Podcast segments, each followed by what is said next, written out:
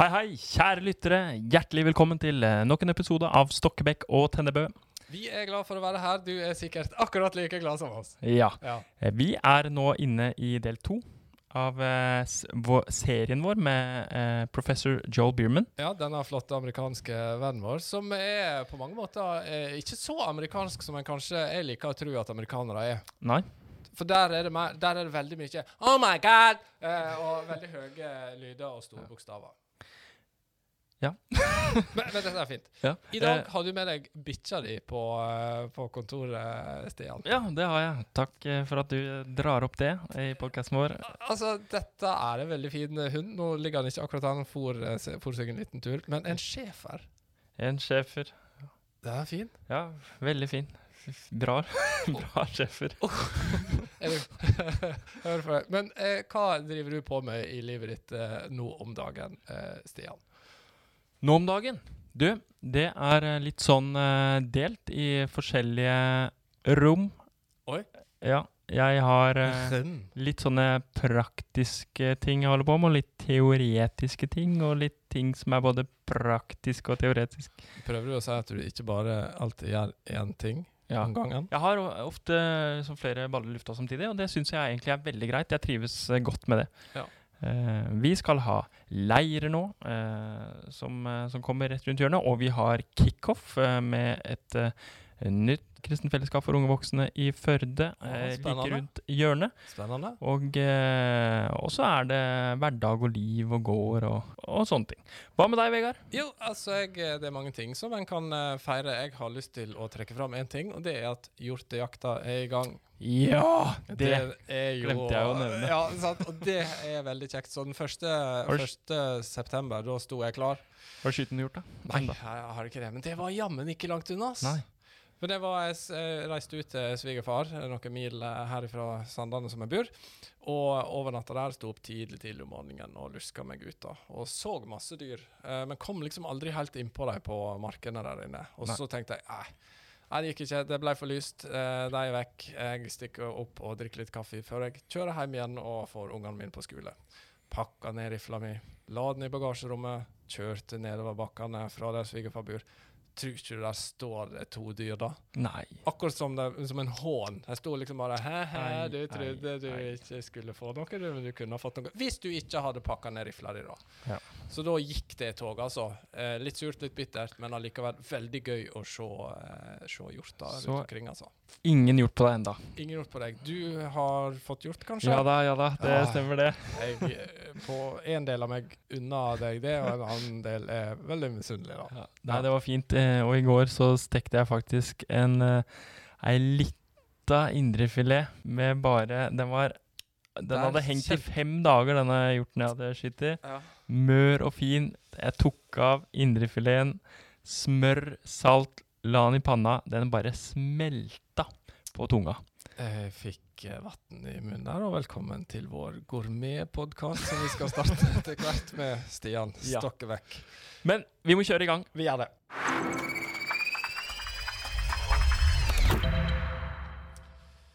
Dag så eh, skal vi ha et tema som handler om hvordan denne vestlige kulturen som vi lever i, blir møtt av og møter eh, kristen tro og kristne verdier. Og spesielt for vår del er det interessant å se hva type ressurser er det som eventuelt ligger i en luthersk kristendom i møte med dette her. Ja. Verden er jo på mange måter blitt eh, et spennende og skremmende sted samtidig, syns jeg. Mm. Ja. Vi, vi står jo som sagt i en luthersk kontekst, det er forankra der. Og, og det er spennende å snakke med Joel Bierman om hva er liksom gullet vårt? Mm. Hva har vi å tilby? Vi blir også anklaga for å være liksom vel opptatt av dogmatikk. Eh, vi ender i en slags ord og sakrament. Ja, litt sånn livsfjern eh, greie, da. Ja, Og det er jo kanskje eh, på en måte litt sånn eh, På en måte er det kanskje lett å forstå, fordi at uh, vi har jo gått fra å leve i en veldig sånn gjennomgripende kristen kultur sant? fra mange, mange hundre år tilbake, Mm. uh, til at vi på ingen måte, vil jeg si iallfall, lever i en kristen kultur i dag. Og veldig mye av det som har vært kulturell utvikling de siste la oss si, 100 åra, har jo nettopp vært å bryte opp kirka og de kristne sin klamme hånd over forskjellige ting i samfunnet vårt. sant? Mm. Moral og masse forskjellige institusjoner, og kristendomsfag i skolene, og kirka sin posisjon. Er det statskirke? Nei, nå er det ikke det lenger. Nå er det vanlig folkekirke. Så den har på en måte brytt opp veldig masse av dem. Og så tenker jeg at det har jo skjedd ikke bare i Norge, men det har skjedd i hele den vestlige verden. Vi har ikke lenger det her felles grunnlaget for å vurdere hva som er sant, og hva som er godt, og hva som er rett, og hva som er galt eh, lenger. Og da kan det kanskje ikke være så veldig merkelig at når vi blir uenige med hverandre, så brytes det på ganske djupt vann, da, men vi klarer liksom ikke helt å finne ut av det, for vi har ikke felles referansepunkt eh, lenger, så vi kan liksom manøvrere i dette her. da. Mm. Mm. Det er, det er også veldig interessant å se hvordan Det er akkurat som et slags, eh, som du sier, et, det er et felles fundament her. eh, som, vi ikke lenger, eh, som vi ikke lenger står på. Mm. Eh, et, kanskje litt av grunnen til at eh, ting blir så intenst Mm. når vi er uenige, er at vi lever ikke lenger ut fra 'jeg står i denne tradisjonen', eller 'jeg står i denne læren', 'jeg har Mm. dette i ryggen eh, Mm. når jeg kommer med mitt verdensbilde'. Men vi, vi lever på, på sett og vis på, på hver vår liksom, tue. Ja, aleine. Ja, og vår virkelighetsoppfatning er preget av Den kommer ikke lenger utenfra.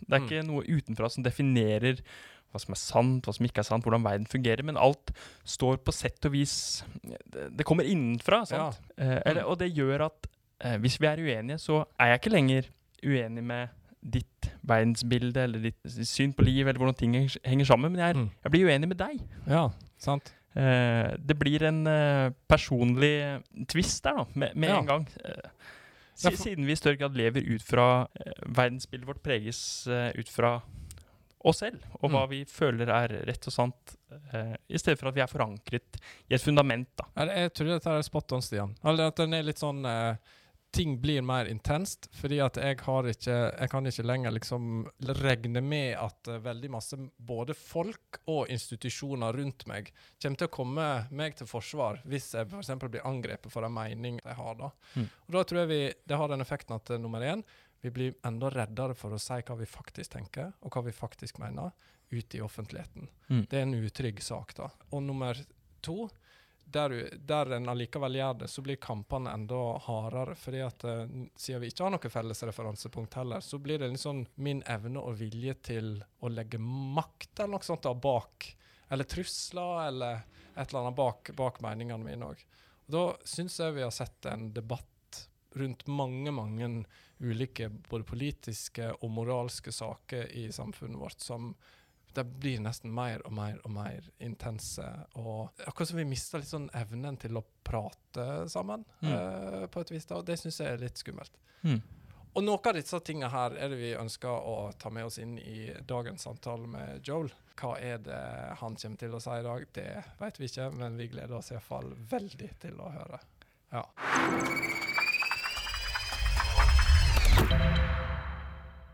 With us today, uh, again, our own favorite professor in systematic theology, Joel Biermann. Where You're, you're only professor in systematic theology.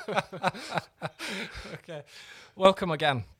Um, Great to be here. we thought we would ask you uh, a little bit today uh, around maybe the problem of Western culture.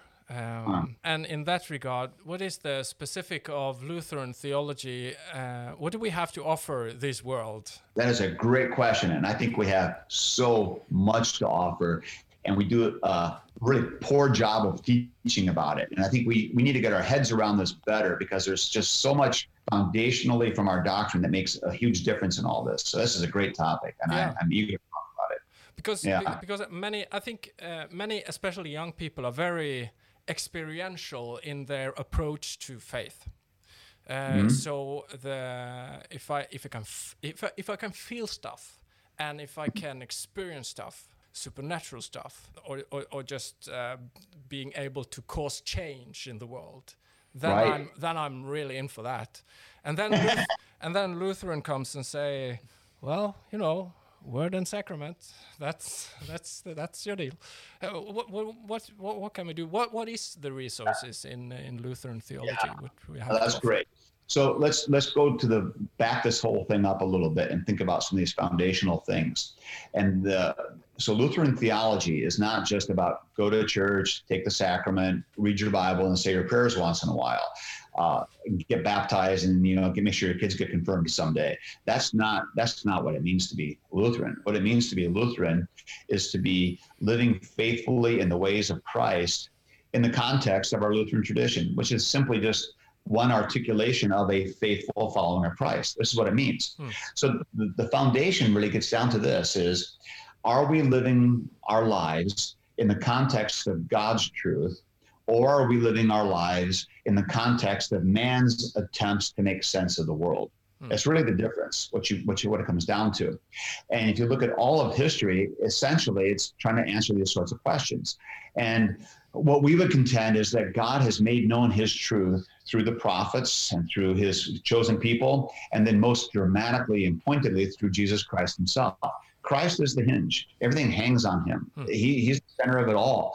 He is God himself in the flesh who lives the perfect life, dies as the sin bearer, the one who takes our sins, and dies as the one who is speaking God's truth and yet is rejected by the world, and then is raised from the dead. And his resurrection changes everything because now he defeats death. God vindicates him. Everything Christ said is true. So he becomes the center. So the, the whole point of the Christian life is living in the truth of Christ, his forgiveness, his love, which comes to us through word and sacrament, which is given to us in these ways, but now we live out our lives in the world. So at the bottom of the Christian confession is this reality of Christ crucified, risen, coming again, and now present in his church, present in his ongoing proclamation of his word through pastors and parents and through the formation of our lives.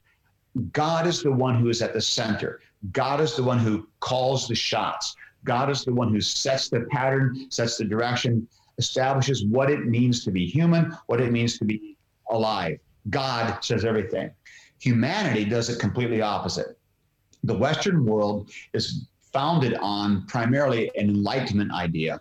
And we can trace this history back to, especially to the guy named Rene Descartes who dies in 1650 and has his famous teachings of cogito ergo sum. Hmm. I think, therefore I am. And this is the core of Western philosophy, the core, frankly, of Western culture. Many people say, well, Western culture is this kind of a Christian culture.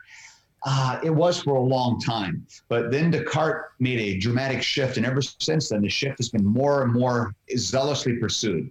So now, what Descartes did is instead of having God as the center, and God as the foundation. Descartes made man the center, man the foundation. My thoughts, my ideas, my reckoning. And the Western world has never looked back. We've just gone faster and faster down these paths. So now here we are, 300 years later, almost 400 years later after Descartes, and we're to the point now where man is saying that, you know what? Man is the center, man is the measure. The Greeks said these things too. Descartes just resurrected them and refocused them. So now we live with people who say, I want to have a meaningful life. Well, who decides what's meaningful? Hmm. They do. I want to do something that matters. Who decides what matters? They do. Hmm. I want to do something that makes a difference. Who decides? They do. And they say, Well, I want to do what's good. Well, who decides what's good? They decide. And it's all what feels right, what seems fair, what seems right. But see, who's defining everything? It's the world, it's hmm. people, it's mankind. It might be one individual, or it might be the collective you know, this whole nation or this whole tribe or this whole group. We all decide together. That's what's going on. Alasdair MacIntyre wrote this marvelous book in 1984 called After Virtue. And he was an American philosopher teaching at Notre Dame. Phenomenally significant book because what MacIntyre points out is the entire Western premise is based on what amounts to emotivism. In other words, we decide what's right and what's wrong based on how it feels hmm. and what seems right and what feels right. So what's good is how we feel about it. Christians don't operate this way. Now, unfortunately, a lot of them do, but they shouldn't. They shouldn't. Hmm. So Christians should be operating with God says what's right. God sets the standard. And so this is the big difference. So are we going to live with God as the center and God as the foundation, or with my feelings, my ideas, what we all believe as the foundation and what's the center? It's a world of difference. the death of character. Was it he who wrote that? Um, or that- James, that's James Davison Hunter. That's right. That's- yeah. That's James Davison Hunter. And you, you quoted him in uh, uh, in the introduction to your book, and I, I just think this is just so precise description of our society. Uh, we say we want a renewal of character in our day, but we don't really know what we ask for. To have a renewal of character is to have a renewal of a creedal order that constrains, limits, binds, obligates, and compels. This price is too high for us to pay. We want character, but without unyielding conviction. We want strong morality, but without the emotional burden of guilt or shame. We want virtue, but without particular moral justification that invariably offend. We want good without having to name evil. We want decency without the authority to insist upon it. We want moral community without any limitations to personal freedom. In short, we want what we cannot possibly have on the terms that we wanted. that, that's just uh, It's it's brilliant. That's pretty It's precise. he nailed Yeah. it. Yeah. James James Hunter is uh, is a brilliant um, anal- uh, analyst of culture. He's he's a social he's a cultural sociologist, uh, teaching at University of Virginia. I think emeritus now, but yeah, he's just a brilliant observer of culture and what's going on. And I've learned much from him. And he's making the similar kind of our observations as MacIntyre. That the culture that we're living in has has lost its foundation. It's intentionally, deliberately eliminated its foundation, and now it's it's left drifting. It thinks it knows what's right. It thinks it knows what's good, but it really doesn't because there's no foundation that's lasting beyond what we all feel or what we all think. And so that's the problem. So Christians living in the 21st century need to be saying, wait, what is the foundation? Is it simply my feelings, what my world tells me, what most people think, or is the foundation what God has actually revealed? One of the most prominent places where you see this playing out. And one of the more sensitive is this whole issue about the, the homosexual agenda and gender issues. Am i the person i think i am because of how i feel? Do i decide based on my feelings who i'm attracted to what i identify as? Is it up to me? And that's what our culture tells us our culture here in america is encouraging this self-discovery we do it with little kids with kids in kindergarten already being told to explore their sexuality. And it's grade school curriculum now, stuff where you learn about the different possibilities of sexual expression. And that's how our world functions, where you get to decide what you think and what you believe and who you are. Hmm. Whereas to contrast that with Christian truth, which says God creates you, God places you in the world. God tells you who you are. God gives you your identity in your body and in your physical realities of your parents and your place in birth and your sexuality. All those things are given by God. And then He also teaches me more about these things as I grow in Christian community. It's all coming from God. Hmm. So instead of being autonomous creatures, a law to myself, we live as heteronomous creatures, a law that comes from outside a law from God. It cannot be a more dramatic difference in how we think about ourselves. Are we living as God created us to be, or living as we want to create ourselves to be? Hmm. And the world is all about you becoming who you need to be. In fact, the one sin I've said in the 21st century is not to be true to yourself. Yeah. That's the one thing you can't do. You must be true to yourself. You must be true to yourself. Authenticity, authenticity, true to yourself. I think it was uh, who was it that coined the, the the phrase expressive individualism? Yes, yes, yes. The expressivist individualist. Um, you get this from George Lindbeck talks a lot about this, the expressive kind of stuff, and you also get. Um, I'm trying to think. Um, the I'm drawing a blank on my guys' names right now, but yes, I, these this is the idea. This this self-expression sort of a thing. Yep. I have a sense that the perspective from the, the, the Christians in this sounds to modern people as limiting, as um, constraining, as Yeah. something which holds them back. In a way, is, is, Right. that, is that your expression or uh, impression? Oh yeah, no. This this is this is precisely the problem because you see, we we we have come to define freedom and liberty as lack of constraints, being cut, set loose to do what I want. That's freedom. That's liberty. The Bible doesn't define it that way. St. Paul in the book of Romans unpacks this. He says that when you are living by your own feelings and your own desires, you are enslaved to your own sinful flesh. You are enslaved to sin. You're enslaved to Satan. You're a slave of death. that's the story of the world. Nobody wants to admit it. Nobody wants to talk about it, but it always ends in futility and death. No matter how much you express yourself and explore your own desires, you end up dead with nothing. Mm. And the Christian's life says, no, no, no, no. We are creatures, part of God's plan Freedom comes when you live according to God's plan. And few people articulated this better than Dietrich Bonhoeffer. Uh, in his little book, Creation and Fall, he ex- explores this. And in his wonderful book, Cost of Discipleship, he explores this even further. And this book has frequently annoyed Lutherans because they think, oh, it's works righteousness. He's talking about you have to earn God's favor. No, he's not. No, not at all. Bonhoeffer knew gospel freedom. He knew the forgiveness of sins, but he also knew that there was a way of living according to God's purposes, which is defined by God. And here's the secret. And this is what this is even what St. Paul talks about. You can be a slave to sin and to your own flesh, or you are a slave of Christ, hmm. God's slave. Hmm. And Bob Dylan, famous American theologian, no, you yes, I'm talking about Bob Dylan, the songwriter. Yeah, I, um, the, that Bob Dylan. A really great song called "You Got to Serve Somebody." It might be the devil, it might be the Lord, but you got to serve somebody. Yeah. And he's right. You're going to be a slave. You're not. You're either going to be a slave to your own passions and your own flesh, or a slave to God. And so Saint Paul says, when you are a slave to Christ, you are freed from hell, freed from condemnation, freed from guilt, freed to be what God created you to be. And so true liberty, true freedom comes when we are norming ourselves according to God's standards. And so this is this is the really bizarre definition that Western people just do not understand. Freedom means living according to God's will. That's free. Hmm. But we all know it. And you guys know what I'm talking about. That when you actually conform to God's plan and become the husband God created you to be and fulfill your responsibilities in the world, it is liberating. It feels right. It's like, I was created for this. This is what it, this is where it fits.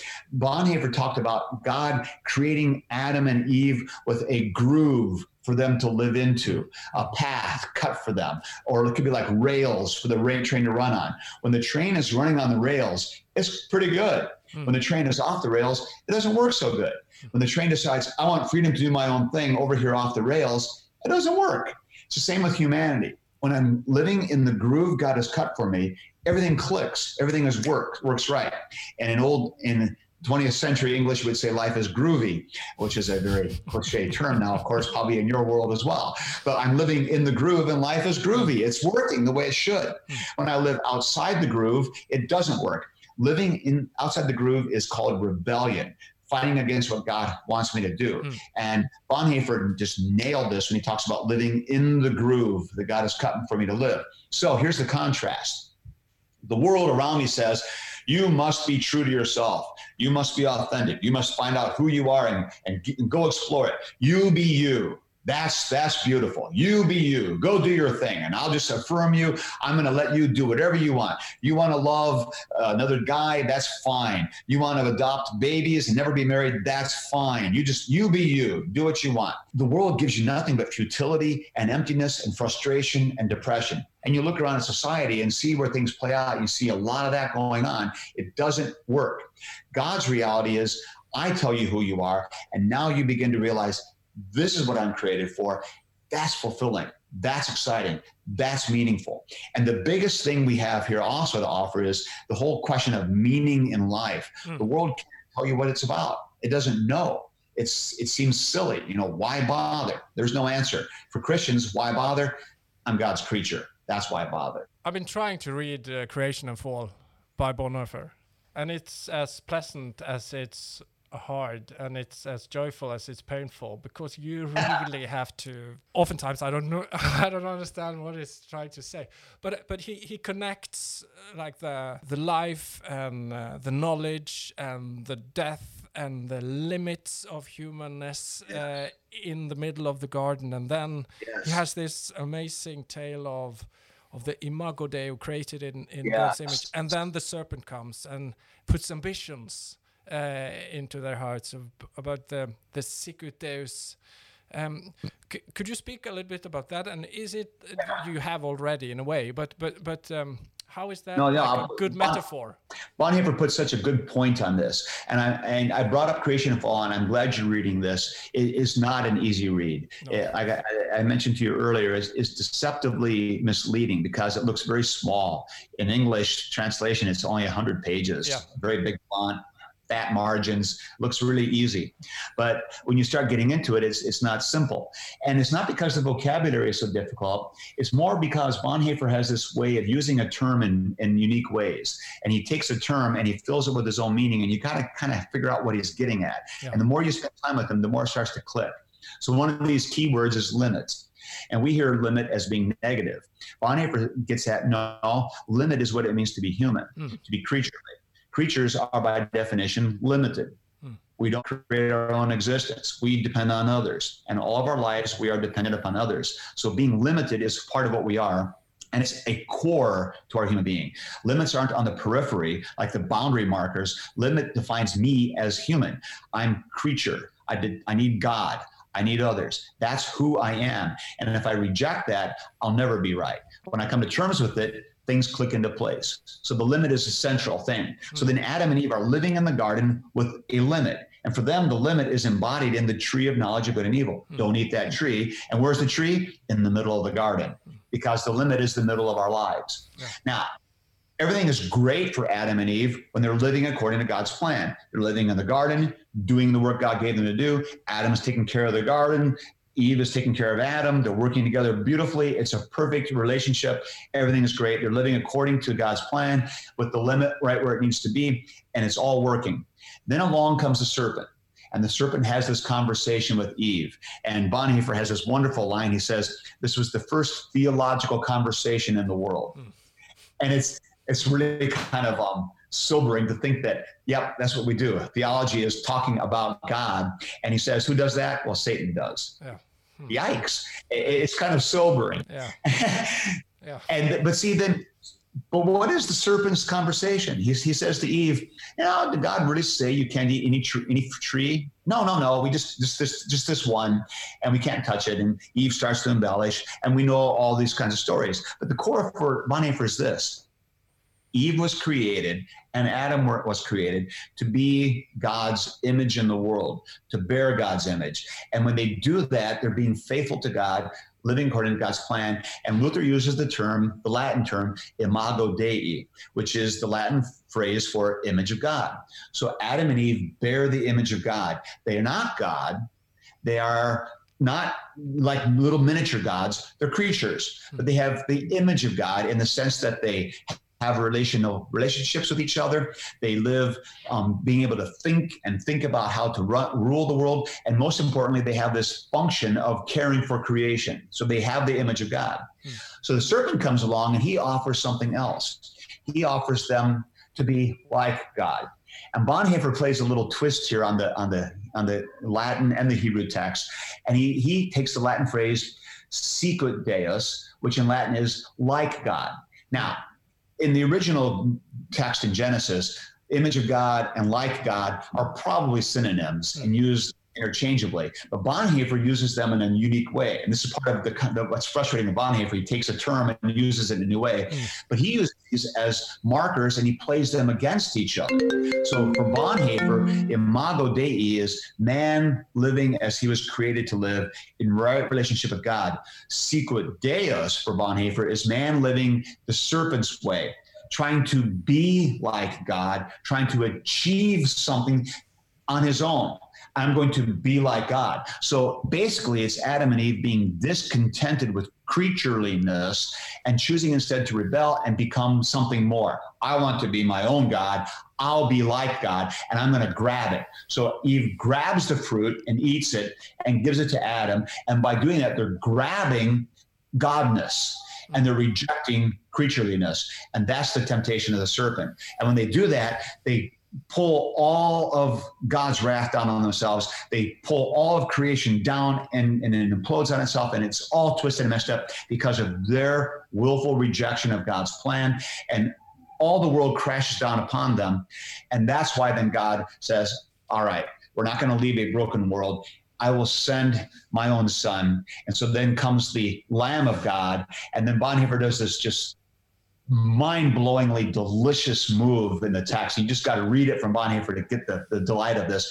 And you have this contrast, this fat battle going on. You've got Imago Dei, God's plan for Adam and Eve, the temptation from the snake of Sicut Deus, and the battle going on, and Sicut Deus wins. But then what happens? Then comes the Agnus Dei, the Lamb of God, who destroys sin, restores the image of God in man, and puts man back where he belongs in a relationship with the creation and with God the right way. And the Agnus Dei overcomes Sicut Deus, restores Imago Dei. Yes, that's it. That is the whole of Christian life. And so today, what we have in the world is we have an entire Western culture living Sicut Deus. I'll be my own God. I'll be my own Lord. I'll decide what I want to do because based on how it feels to me, what seems right, what looks right. You be you. That's Sicut Deus. Christians are called to live imago Dei, according to God's will, slaves to God's righteousness, hmm. obedient to God, which is true freedom. And we live that image only because of the Agnus Dei, Dei, Dei reality in me, hmm. Christ living in me. That's the Christian life. Few things are more exciting or more exhilarating than actually following Christ in life. And few things are more different than the way the world lives, actually living according to God's plan. It's uh yeah, it's it's great chills down my spine. Just uh, how you how you speak about these things. But it, but is it it takes a toe, it seems to me, to be your own master uh, in a way. It, it, it's hard living the Sicut Deus uh, life uh, because you always have to live with high expectation and the disappointment of not achieving it. It's like yeah. utopia in a way. H how can we speak Christian truths into that, which doesn't maybe land like critique or or. Um, so we're not just being negative about yeah, things. Yeah, yeah, yeah. Yeah, yeah, I, I, I hear what you're saying. The, you're right. The living a Sicut Deus life, living the life of my own, my best life now, you be you, trying to fulfill this stuff is very frustrating because we start getting this illusion that everybody else is happy, everybody else has everything they want, everybody else is living these fulfilled lives. What's wrong with me? And it becomes very, very depressing, very, very discouraging. Or the, the technique is you just keep so busy you don't think about those things and you just get keep busy pursuing the next fun thing, the yeah, next yeah. special trip, the next event, the next thing I'm going to buy, and you just keep on filling your life with stuff.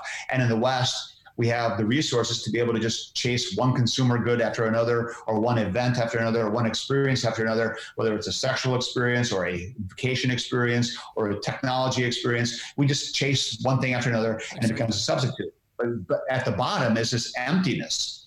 And when you have the courage to look at that emptiness, it's quite quite unnerving and quite quite quite frightening because there's nothing there. And so I think the Christian solution is not just to say stop, stop, bad, no, no, no. We just need to say, you know what? You're pursuing this stuff. It's not going to give you what you're looking for. It's not going to fulfill you.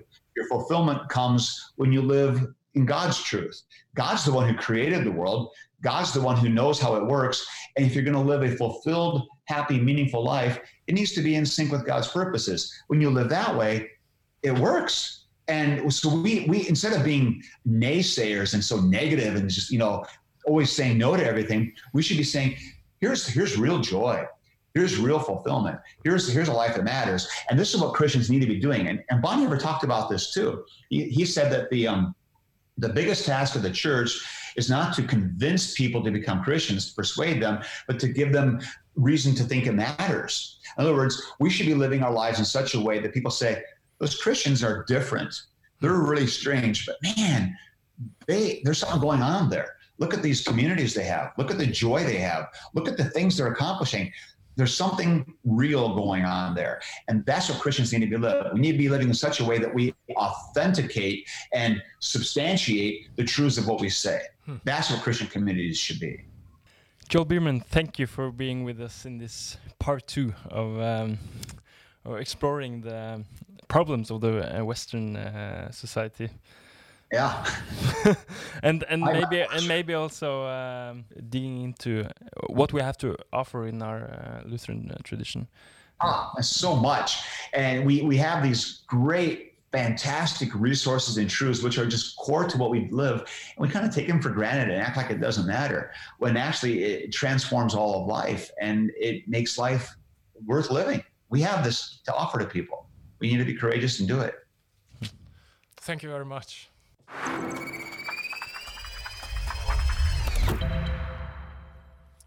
Nok en gang, altså. Det er jo en glede å høre på denne mannen. Ja, det, det er det. Uh, vi håper jo at dere også der hjemme synes at, at, dette er bra. Og at det går an å følge, følge engelsk. Ja. Uh, noen takeaways uh, for oss? Skal jeg, skal jeg, starte? Skal du starte? Skal jeg, jeg, kan begynne. Ja. Med, og det er jo egentlig en liksom oppfølger til, til, noe du sa i intervjuet. og vi skal til vår godeste James Davidson Hunter. Og jeg har egentlig lyst til å bare lese disse sitatene eh, ja. på norsk. Eh, for jeg syns det er så treffende midt, i, eh, midt, i, denne problematikken og, problematikken og tematikken mm. eh, som vi står i. Mm. Vi sier vi vil ha fornyelse av vår karakter i våre dager, men vi vet virkelig ikke hva vi spør om. Å få fornyet sin karakter er en fornyelse av vår bekjennelse. Og denne bekjennelsen setter grenser, binder, forplikter og tvinger. Denne prisen er for høy for oss å betale. Vi vil ha karakter, men uten overbevisning. Vi vil ha sterk moral, men uten følelsesmessige byrder av skyld eller skam. Vi vil ha dyd, men uten moralsk grunnlag. For det vil vi unngåelig fornærme. Vi vil ha det gode uten å måtte gi navn til det vonde. Vi vil ha anstendighet uten den autoritet som trengs for å insistere på den. Vi vil ha moralsk fellesskap uten å ofre personlig frihet. Kort sagt, vi vil ha det vi umulig kan få på de premissene vi vil ha dem. Mm. Jeg opplever at det er ganske spot on. Det er uh... Ja, jeg tenker at det er, en, det er noe med Vi lever sånn innmari sånn uh, positiv tid. Alt skal være så positivt. Og så ja. tror vi at ved å bare være utrolig positive, da, så kommer det inn bare positive ting i livet vårt. Mm. Men det, det, det hopper jo bukk over det som var noe vi, vi snakket om i, eh, i, intervjuet med Joel Beerman, at livet også har uh, begrensninger. Mm. Uh, det, det, må nødvendigvis ha det. Han, han la jo litt sånn vekt på at du Det er ikke sånn her i dette livet at du er helt uhilda fri. Hele tida du er slave til et eller annet. Sånn du mm. kan være slave til, til lystene dine, eller ønsker og drømmene dine. Eller du kan være slave til, til, overfor um, andre sine ambisjoner på mm. vegne av deg, da, eller du kan være slave til et sett med verdier, eller, eller som også i kristen tro, du kan være Kristi slave. Jesu, mm. Jesus slave. Og vi vil da hevde at han vil være den eneste mesteren som ikke kommer til å bruke det slaveriet til å undertrykke deg, men til å sette deg fri. da. Mm. Og det er frist å høre Bierman snakke om frihet. Mm. Uh, vi har en sånn tanke om at uh, bare vi lever rebelske liv, mm. da blir vi virkelig fri. Mens eh, Nei, vet du hva? En frihet i en kristen bibelsk forstand, det handler ikke om eh, å være fri fra rammer, men det handler om å ha nærvær til de rette rammene. Mm. Vi blir aldri så frie som når vi har nærvær til, til de rette rammene. Mm. Først da virkelig, virkelig fri. Mm. Og det er jo her jeg tenker at vi lever i en kultur og et samfunn og en tid som, som er veldig uenige om hva som er de rette rammene, hva mm. som er de og som er veldig forvirra på det, og som vil på en måte ha det her integritet og karaktergreiene på premisser som vi e egentlig aldri kan få det på. Det, altså, mm. vi, vil, vi, vil, ha ja, vi vil ha fri sex, da. Men, men hva er metoo-bevegelsen da? Det er jo mm. nettopp et forsøk på ja, men det må jo være noen rammer, det må jo være noen regler. Det må jo mm. være et eller annet som vi kan sette rundt det her, sånn at eh, folk, ikke, og spesielt kvinner, ikke blir fritt vilt. Mm. Altså, det er jo et rop etter ramme mm. eh, på en måte i en kultur som har gått lenger enn noen annen kultur, nesten, i å si at eh, ja, men sex er bare en aktivitet, eller mm. eh, som gym, eller det er bare en slags drift som hva som helst slags annen drift i, i, i kroppene våre. Og så mm. er det likevel veldig mye mer enn det. da. Mm. Og så syns jeg òg det er på en måte veldig fint å høre også at han, han avslutta litt der men jeg tenker det vi ofte ikke kommer gjennom på, i, i fall i offentligheten, da, nemlig at her er hensikten med, med kristen tro og, og, innholdet i den kristne tro. Det er jo ikke å, å produsere veldig sånn kua negative, mørke, dystre liv. Mm. Eh, der folk skal kjenne at en sitter liksom innelåst i en kjeller og har ingen verken bevegelsesfrihet eller mulighet til å boltre og folde ut livet sitt. Men, men det er jo nettopp å bringe inn den friheten og den gleden og den, den eh, liksom livsutfoldelsen, det livsbejaende, det livsglade, som bl.a. kommer i en sunn og god erkjennelse av hva som er gode rammer for meg som menneske å leve i, både som enkeltindivid, som familie, som nabolag, som eh, bygd, som by, som nasjon i denne verden. Det tenker jeg er liksom, det må vi jobbe med, å få klare å finne måter å si på en måte som blir Mhm. forstått. på en måte, Men det syns jeg er utfordrende. Mm. Ja.